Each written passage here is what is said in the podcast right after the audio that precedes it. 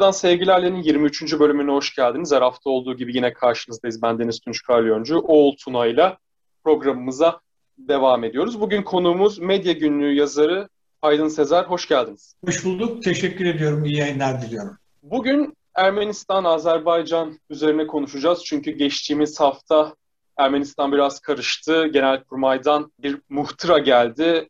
Paşinyan istifa etmeyi reddetti. Genelkurmay Başkanı Gasparyan'ın görevden alınması için Cumhurbaşkanı'na karar iletti fakat Cumhurbaşkanı kabul etmedi. İkinci defa iletim yapıldı ve şu an için en azından ne cevap verileceğini bilmiyoruz. Sokak karıştı, muhalefet gösterilerine devam ediyor, Paşinyan destekçileri gösterilerine devam ediyor. Bütün bu süreci nasıl yorumlarsınız Aydın Bey?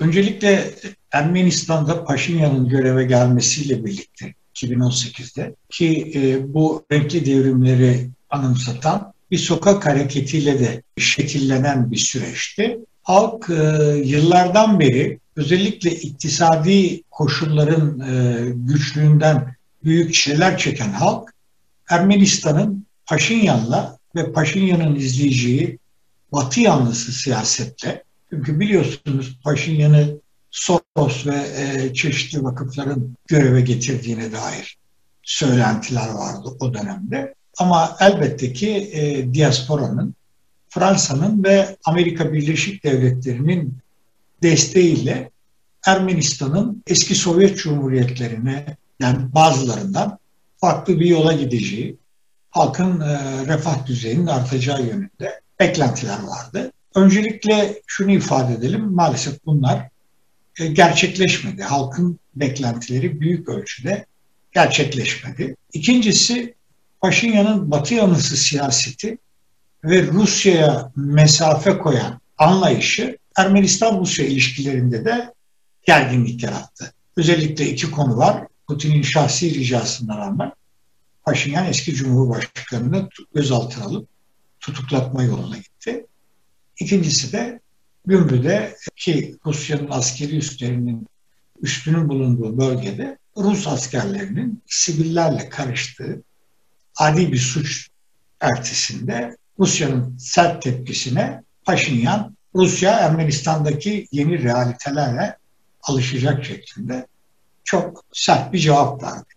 Dolayısıyla son Dağlık Karabağ krizinden önce, savaşından önce hem Ermenistan-Rusya ilişkilerinde bir gerginlik hem de genel anlamda halkın beklentilerinin yerine getirilememesi nedeniyle toplumda bir hoşnutsuzluk vardı. Rusya Paşinyan yönetiminden hiç memnun değildi. Sadece Güney Kafkasya'daki etki alanının tehlikeye girmesiyle ilgili değildi bu. Malum Gürcistan'la Rusya ilişkileri de farklı bir boyutta e, cereyan ediyor.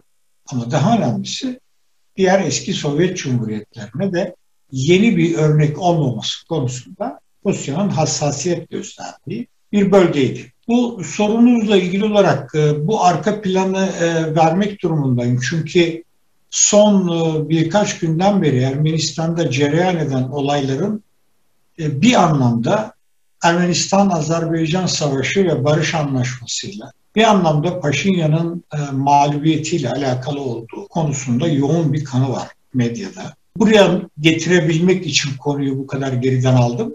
Dolayısıyla Putin Paşinyan'ın görevden alınmasını, ayrılmasını ya da ders verilmesini ya da arkasındaki halk desteğinin bir şekilde yok edilmesini demeyeceğim ama azaltılmasına yönelik bir dizi eylem ya da plan içerisindeydi. Burada da tabii Rusya'nın Azerbaycan'da özellikle ordu içerisindeki yakın ilişkide bulunduğu üst rütbeli subaylar ama burada en önemli isim Milli Savunma Bakanı bizzat kendisi. Dağlık Karabağ lobisi diyebileceğimiz lobi birlikte Temmuz ayında ve daha sonra Ekim ayında Dağlık Karabağ Azerbaycan Savaşı'yla bu süreç resmen sahaya e, yayıldı. Dolayısıyla savaşın Dağlık Karabağ'ın statüsüyle ya da Azerbaycan-Ermenistan ilişkilerinin boyutuyla ilgili sürece evrilmeden önce de zaten Ermenistan-Rusya ilişkileri çerçevesinde bir arka planı, bir anlamı vardı. Hatta son günlerdeki popüler tartışmalardan bir tanesi savaşta İskender füzelerinin ateşlenip ateşlenmediği konusu tartışılırken şu yorumlar da yapıldı Ermenistan medyasında. Acaba Azerbaycan Savaşı'nı başlatan Paşinyan ve onun siyasi iradesi miydi? Yoksa ordunun ya da bazı generallerin yol açtığı bir gelişme miydi?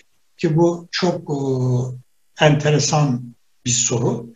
Açık söylemek gerekirse e, ben de hangisinin e, öncelikli olduğunu konumlandırırken ben bunda Paşinyan'ın e, doğrudan bir ilgisi ya da emrinin olduğunu düşünmeyenlerden. Bir defa bunun altını çizeyim. İlk savaşla birlikte e, yani ilk çatışmalarla birlikte Temmuz ayında Paşinyan Rusya'yı göreve çağırdı. Ortak Güvenlik İşbirliği Örgütü çerçevesinde Rusya'nın kendisini savunmasını istedi.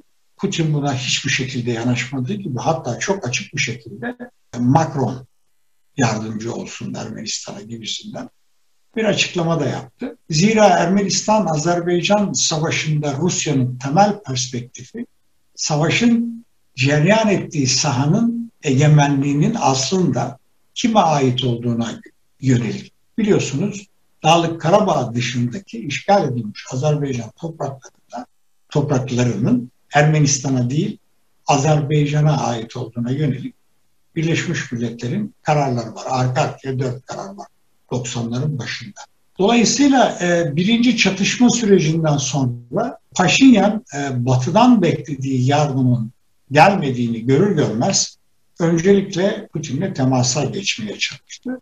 Ama e, bu talep Rusya'da ilgi görmedi. Paşinyan e, yanılmıyorsam Belarus'taki bir toplantıda olan Rusya Başbakanı ile görüşebilmek için alelacele Belarus'a gitti yaz döneminde ve e, Rusya'ya olumlu sinyaller göndermeye başladı. Kaldı ki bu sırada Rusya'nın e, Rusya'da bulunan Ermeni lobisinin de Paşinyan'a yönelik öfkesi artık su yüzüne çıkmıştı. Russia Today'in e, ya da bilinen adıyla Sputnik'in Ermeni asıllı genel yayın yönetmeni Margaret Simoyan'ın o dönem attığı bir tweetle Rusya o kadar büyük bir ülkedir ki aslında Paşinyan gibilerin yüzüne dönüp bakmaması gerekiyor. Burada kullandığı ifade çok da kaba bir ifade. Ama Rusya e, çok yardımsever bir ülkedir. Ermenistan'ın e, Ermenistan halkına yine yüzünü dönecektir gibisinden çok ağır bir e, tweet attı. Paşinyan tam o esnada Ermenistan'ın e, strateji belgesini, daha doğrusu güvenlik bölgesini update etti, yeniledi, güncelledi. Burada Rusya'ya çok özel bir önem atfedildiğini görüyoruz. Yani daha birinci e, e çatışma ortamı henüz bitmişken Paşinyan'ın Rusya'ya doğru bir olumlu yaklaşımda bulunduğunu, yaklaşım sergilemeye başladığını, çünkü bu coğrafyada Rusyasız iş yapılamayacağını idrak ettiğini ya da ABD'den ve Batı'dan beklediği desteği bulamayacağı konusunda ikna olduğunu görüyoruz. Uzatmayayım.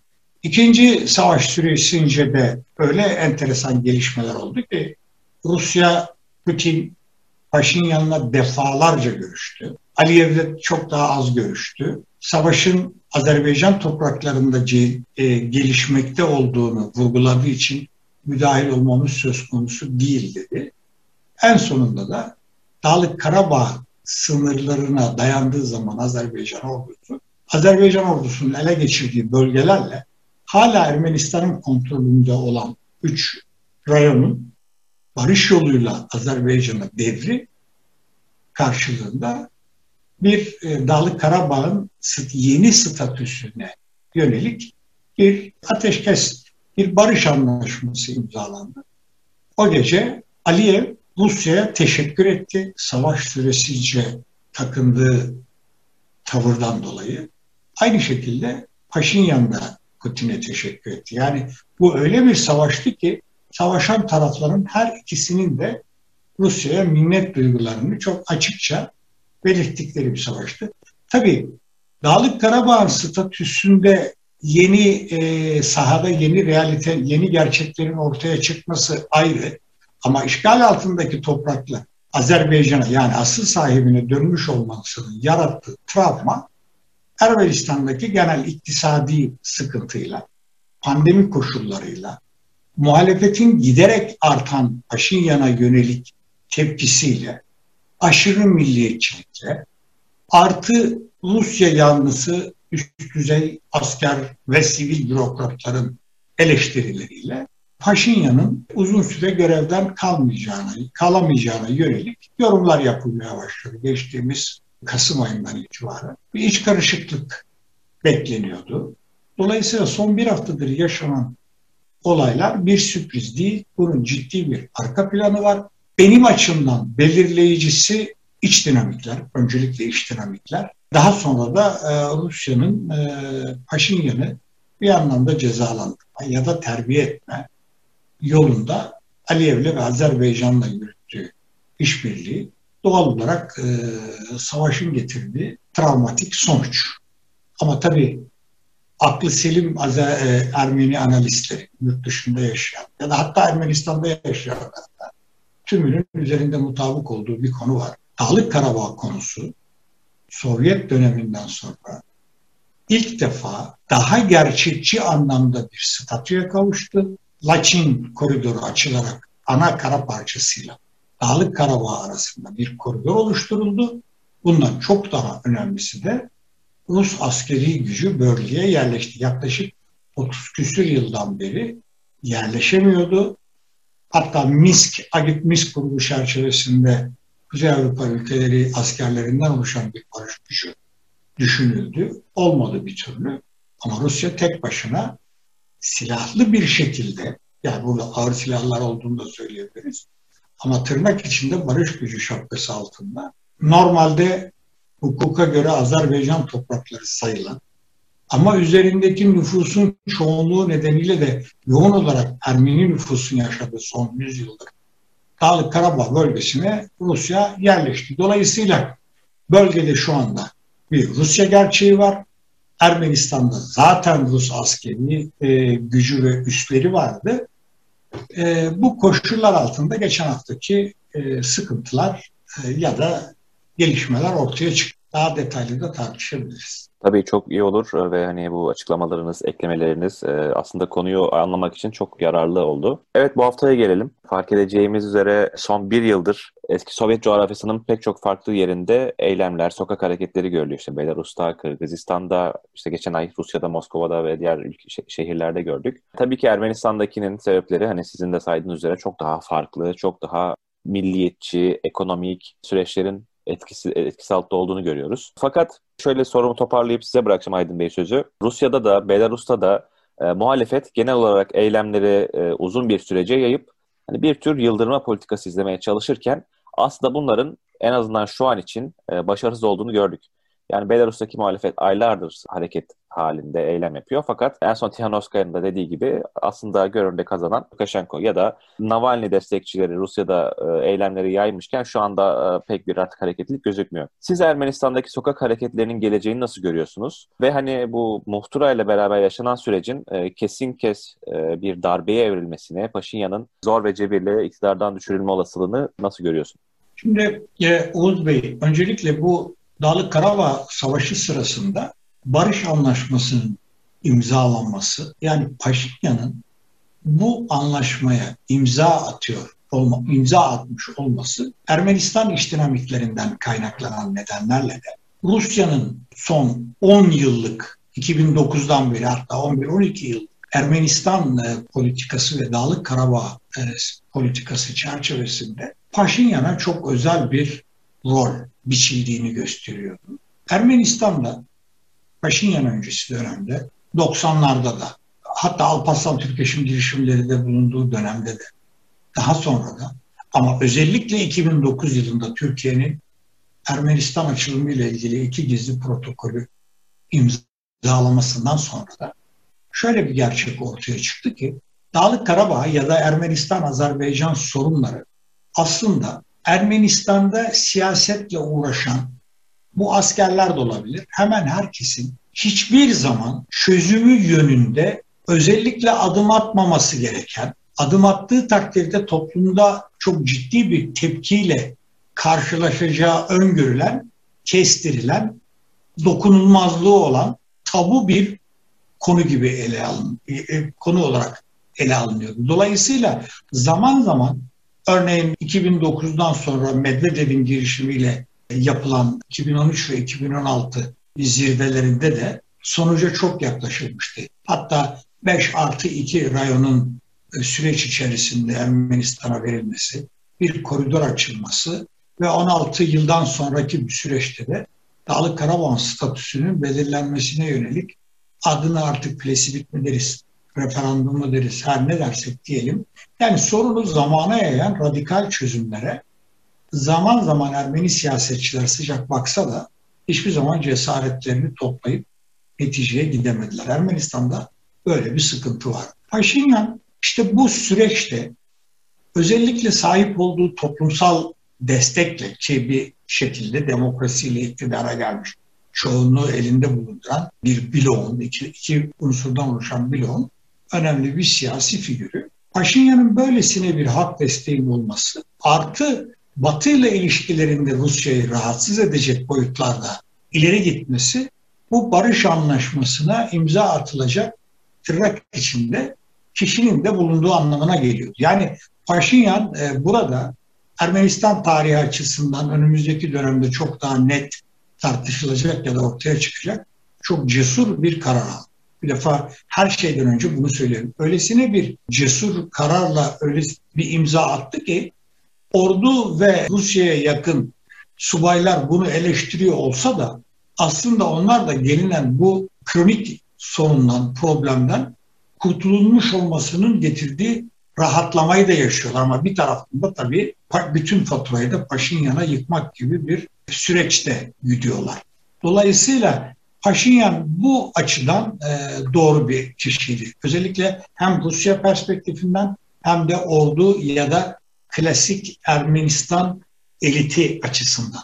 Dolayısıyla bir görev yerine Şu andan itibaren harcanıp harcanmaması dış dinamiklerle, ordu etkisiyle farklı bir konu ama kendisinin özellikle birinci gerilimden sonra Rusya ile ilişkileri düzeltecek boyutta bir manevra yapmış olması artık Rusya açısından Ermenistan'da eski Paşinyan olmadığını, Rusya ile daha uyumlu çalışabilecek tırnak içinde halk karşı halk desteği ya da halkta karşılığı olan da birisi olarak bir alternatif haline geldi. Yani Paşinyan Rusya'nın Ermenistan politikasında kendi kendisini bir alternatif olarak ortaya çıkarttı. Bu Rusya'nın diğer ülkelerle ilişkili, eski Sovyet coğrafyasıyla ilişkilerinde e, bakıldığında ilk kez karşımıza çıkıyor.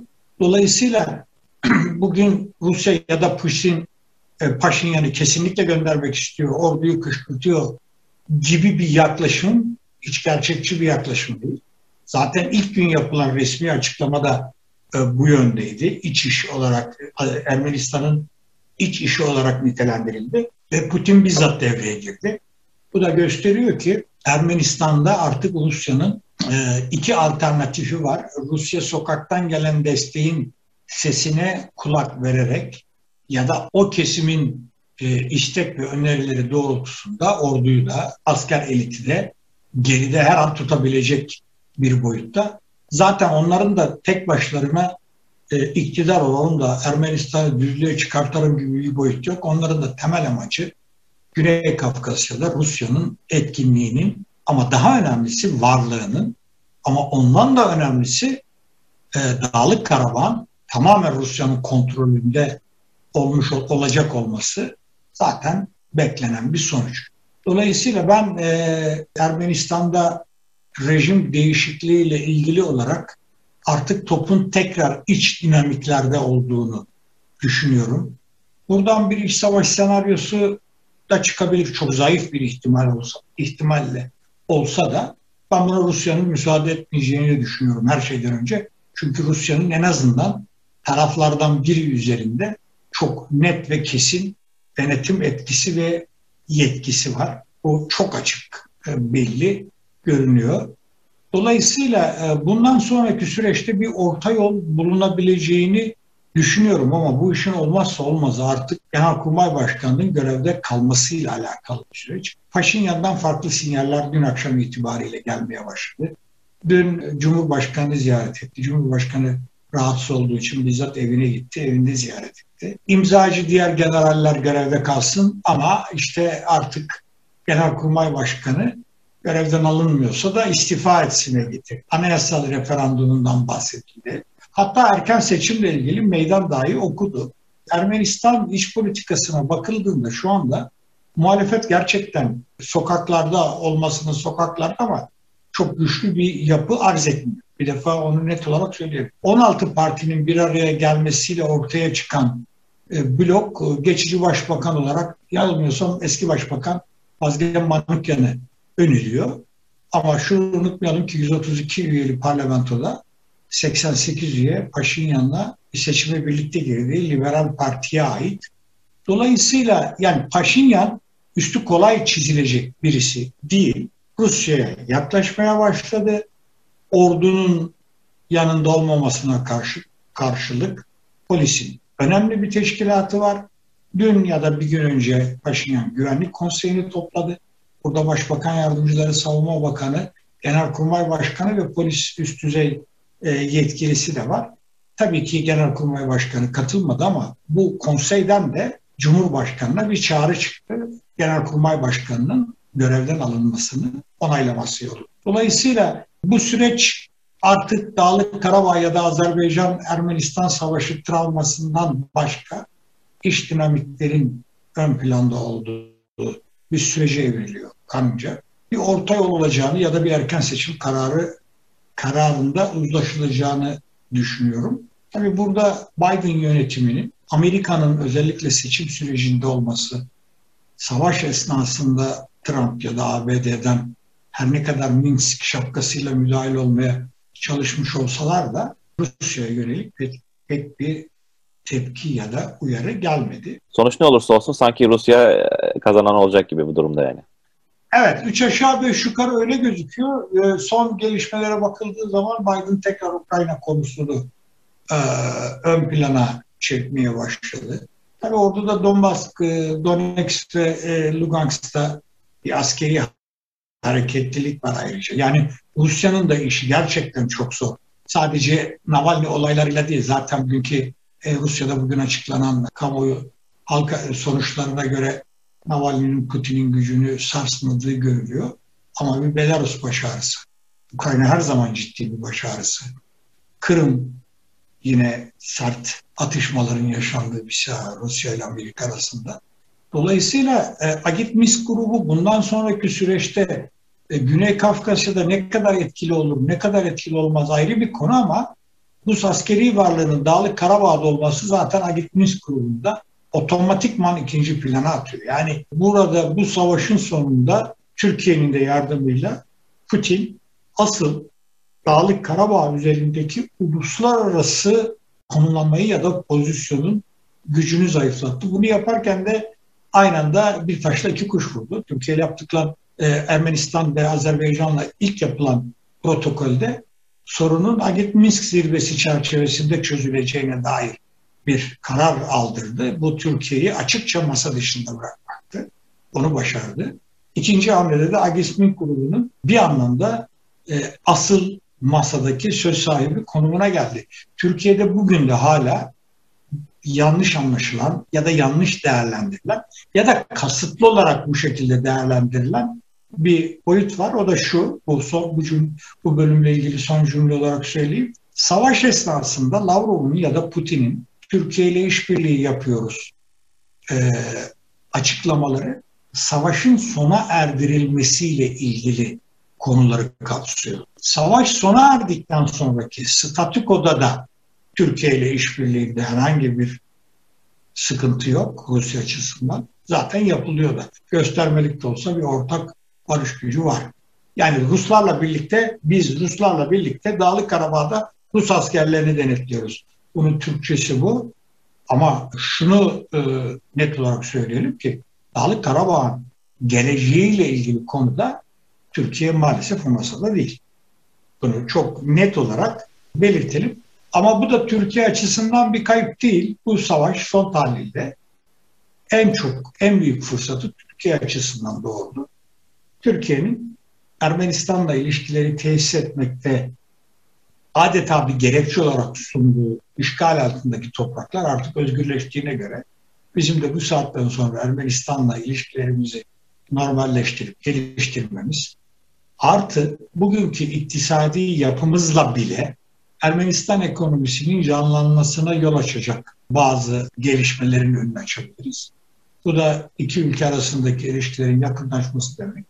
Türkiye'nin sadece Ermenistan'la Azerbaycan arasındaki sorunun çözümünde yani Dağlık Karabağ sorununun çözümünde e, oynayacağı rolün ötesinde Güney Kafkasya'da Rusya'nın etki alanının daraltılması açısından da çok kritik bir rol olacağını düşünüyorum. Bir de tabii Türkiye'nin Batı İttifakı'nın yani kurumsal anlamda Batı İttifakı'nın bir üyesi, NATO'nun üyesi bir ülke olduğunu düşünürsek bu da muazzam bir fırsat penceresi açıyor Türkiye. Aydın Bey burada tam da Azerbaycan'ın daha doğrusu Azerbaycan Dışişleri Bakanlığı'nın geçtiğimiz gün yayımladığı açıklamaya değinmek ve size bunu sormak istiyorum. Çünkü Azerbaycan iddia ediyor ki Ermenistan Dağlık Karabağ bölgesine gizlice asker yığınağı yapıyor. Ve bununla alakalı aslında bu mesele bitmiştir. Böyle bir macerayı atılmayın diye mesaj vermeye çalışıyor. Peki Dağlık Karabağ ile ilgili tekrardan bir askeri çatışma gerçekleşebilir mi? Azerbaycan'ın bu iddiasını nasıl yorumluyorsunuz? Sizce Ermenistan böyle bir şey yapıyor mu ya da yapmaya çalışıyor mu? Ben bugünkü e, koşullarda Ermenistan'ın böyle bir şey yapmaya çalışmasını bırakın yapacak bir e, gücü ve altyapısı olduğunu düşünüyorum. Her şeyden önce onu ifade İkincisi Laçin koridoru Azerbaycan topraklarından geçen her ne kadar koridorun denetimi ve güvenliği Rusya'ya e, ait olsa da bir koridor. Artı burada yeni bir yol yapılıyor ve oldukça uzunluğundan ziyade genişliği çok daha önem arz eden hem güneyde hem kuzeyde 5 kilometrelik sınır olan muazzam bir koridor açılıyor. Dolayısıyla buradan Ermenistan, e, Ermenistan'dan Karabağ, Dağlık Karabağ silah, mühimmat ve asker e, sevkiyatı yapılıyorsa bunun e, bir numaralı sorumlusu Rusya. Yani Rusya bu konuda e, sorumluluk almak durumunda olan ülke olur. Birincisi bu. İkincisi kaldı ki Rusya'nın bölgedeki askeri varlığı oradaki tahkimatın artırılmasında seyirci kalacağı anlamını doğurmaz. E, zira Rusya'nın orada bulunması son tahlilde Ermenistan ve Azerbaycan'ın ortak iradesiyle, kararıyla olan bir olay.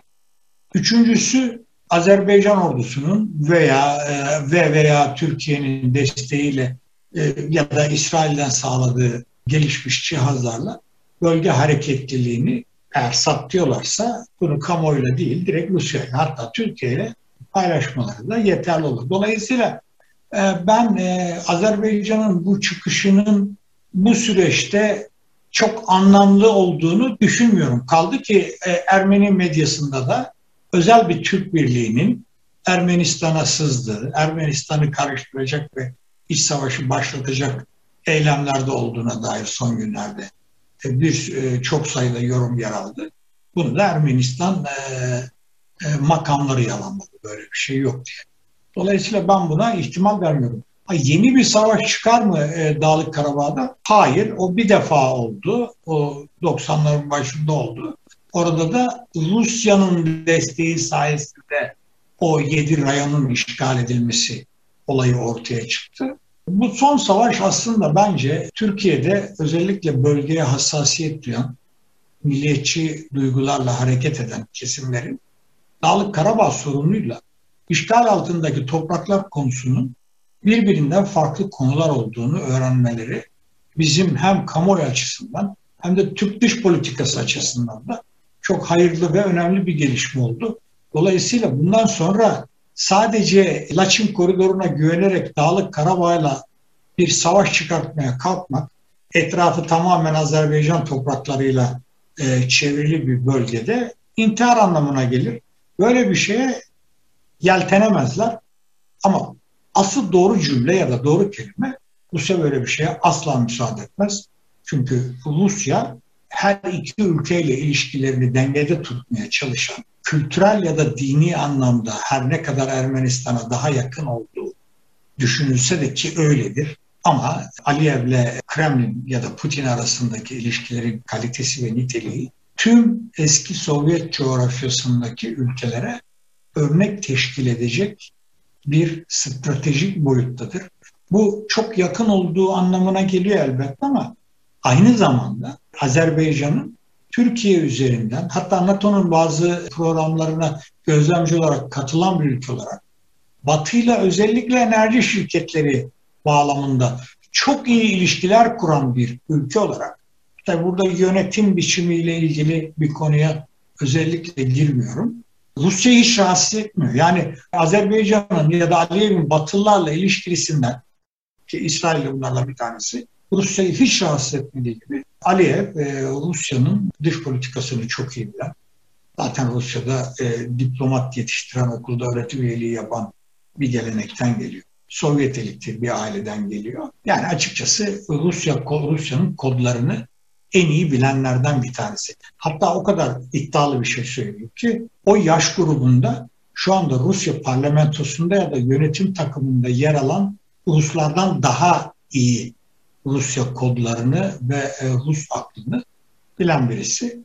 Dolayısıyla böyle bir şeye Rusya zaten müsaade Aydın Bey o zaman e, çerçeveyi biraz da kendimize Türkiye'ye taşıyalım ve hani son soruyu da böyle bitirelim. Türkiye ve Rusya'nın hem kooperasyonu hem de rekabeti Karabağ Savaşı sürecinde de çok gündeme geldi. Ama şu ana kadar iki ülke arasındaki ilişkiler bozulmadı. Denge gayet iyi korunuyor diyebiliriz. Üstüne üstelik e, bir de e, şu anda gündemde Akkuyu'da bir açılış töreni var. 10 Mart 10 Mart'ta e, üçüncü reaktör temel atma töreni gerçekleşecek online olarak. Siz bu Akkuyu çerçevesinde Türkiye ve Rusya ilişkilerinin geleceğini nasıl görüyorsunuz? Nasıl yorumlarsınız? Şimdi Oğuz Bey, e, Rusya Türkiye ile ilişkilerinde masadaki ana dosya olarak Türkiye ve Türkiye'deki çıkarlarını koyuyor her zaman. Çünkü Türkiye Rusya açısından son derece stratejik önemi haiz. Güney komşusu, S-400 satabildiği bir NATO üyesi.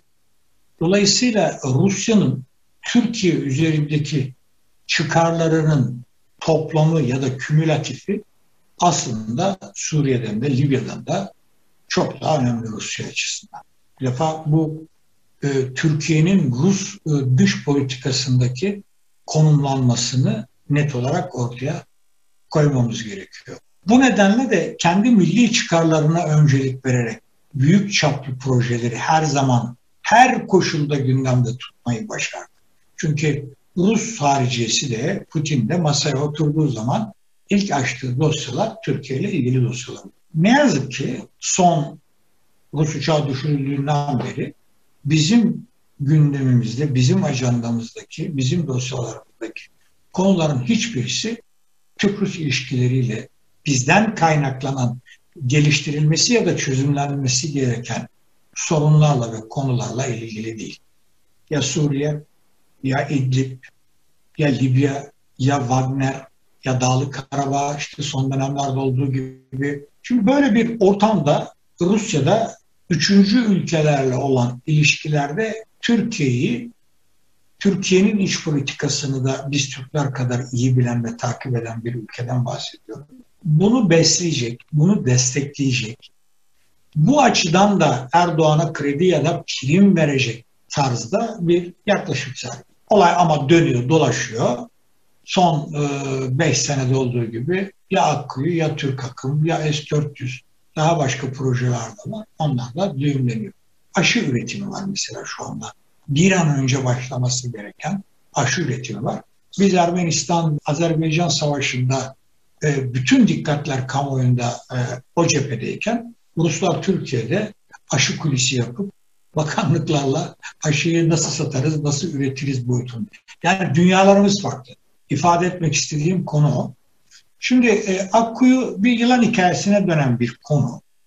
Çok kısa özetle şöyle söyleyeyim. Onundaki temel atma töreni özel olarak Akkuyu'ya yönelik bir düzenlemenin ötesinde her ne kadar resmi açıklama yapılmasa da e, Türkiye ile Rusya arasında gerçekleşecek yeni üst düzey üst düzeyli işbirliği konseyinin bir toplantısı olacağını düşünüyorum. Çünkü bunun hazırlıklarını Lavrov ve e, Çavuşoğlu geçtiğimiz ay hatta Ocak sonunda Soçi'de yaptılar. Bu bir teknik çalışmaydı. Dolayısıyla Rusların masadaki ajandalarından birinci sırada Akkuyu var. Akkuyu'daki konu şu, başından beri ki bugün iti, bugün 11. yılını dolduruyor bu anlaşma imzalamalı, bu şirket kurulalı. E, defalarca ilk ünitenin temelleri atıldı ama bu sefer atılacak temel 3. üniteyle alakalı. Yani ilk kez 3. ünite temeli atılıyor. İnşallah atılmaz sonraki dönemlerde. Biz Cumhuriyet'in 100. yılına yetiştirilmesini istiyoruz ama final çünkü bu öyle bir anlaşma ki meclisten geçen anlaşma %51'i Rusya'nın kontrolünde olacak. Geri kalanda Türk katkısı gerekiyor. Bunu olabilir anlamında söylemiyorum. Başında böyle dizayn edildi, başında böyle kuruldu. Biz bunu sağlayamadık. Aralık 17-25 Aralık patlak verdi. Sonra FETÖ mücadele, darbe girişimi falan. Dolayısıyla Akkuyu'da gaza basmak için Ruslar para koyulmasını bekliyor. Biz parayı koyamadığımız için de Ruslar anlaşmaya aykırı bazı adımlar attılar. Ana müteahhiti değiştirdiler mesela. Açıkça anlaşmada yazılmasına rağmen. Anlaşmada olmamasına rağmen ticari bir liman e, imtiyazı verildi.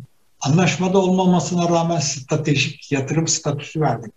Uçak krizinden sonraki ilk verdiğimiz imtiyaz buydu. Bu ekonomik bir imtiyaz anlamına geliyor. E, Türk akım yapıldı ve bitti. Anlaşma yapıldı. Boru hattı döşendi bitti. İçinde e, doğalgazı e, ta, taşınacak doğalgazın ticari anlaşması yok.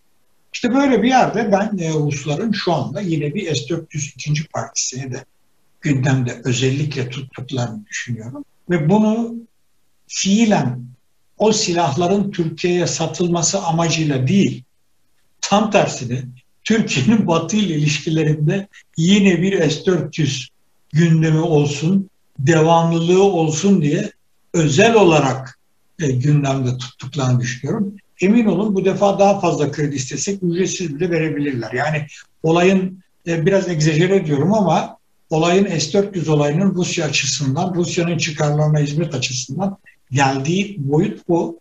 Akkuyu iddialı bir projeydi. İmzalandığı tarihteki koşullar değişti. Türkiye açısından maddi anlamda fizibilitesi olup olmadığı bugün tartışılabilir hale gelen bir proje oldu. Burada e, Rusya'nın olduğu kadar Türkiye'nin de çok büyük hataları var. Hatta onlar dengelenmeye çalışıldığı zaman Türkiye'nin e, payının daha yüksek olduğu görülür ne yazık ki. Ama öte taraftan da ilk kez bir nükleer santral yapıyoruz. Bunun mevzuatından tuttuğumuzda lisanslama yöntemine kadar gecikmelerin olması da normal. Ben Akkuyu'nun 2023'te ilk ünitesi bitse de, bitmese de AKP iktidarından sonra e, başına çok iş gelecek bir proje olarak görüyorum. Ruslar da bunu biliyorlar. Ruslar da tüm yumurtaları AKP sepetine koymalarının yaratacağı endişeleri ciddi ciddi tartışmaya başladılar. Ama bu Rusların ya da Rusya'nın Türkiye'ye yönelik bir özel yaklaşım değil. Ruslar Sovyet geleneğinden ortaya çıkan bir şey bu herhalde muhalefete kendilerini anlatmaya da izah etme noktasında hiçbir şekilde bir e, gereklilik duymuyorlar. Direkt iktidarlarla çalışıyorlar. Bu belki de Rusya'daki iktidar yapısıyla Türkiye'deki iktidar yapısının da benzer olmasının getirdiği bir kolaylık oldu bugüne kadar. Ama bundan sonra sadece Akkuyu'da değil S-400'lerde de Türkiye'deki en küçük bir iktidar değişikliğinde e, bu projeleri net bir şekilde sorgulanacağını düşünüyorum. Ama bunun Türk-Rus ilişkilerine zarar vereceğini de düşünmüyorum. Bu da ayrı bir konu. Çok teşekkür ederiz Aydın Bey programımızda ben katıldığınız için. Teşekkür konu kaldığınız için. Çok sağ olun. İyi yayınlar diliyorum. Rusya'dan Sevgilerle'nin 23. bölümü de böyleydi. Her hafta olduğu gibi yine karşınıza çıkmaya devam edeceğiz. Hoşçakalın diyoruz.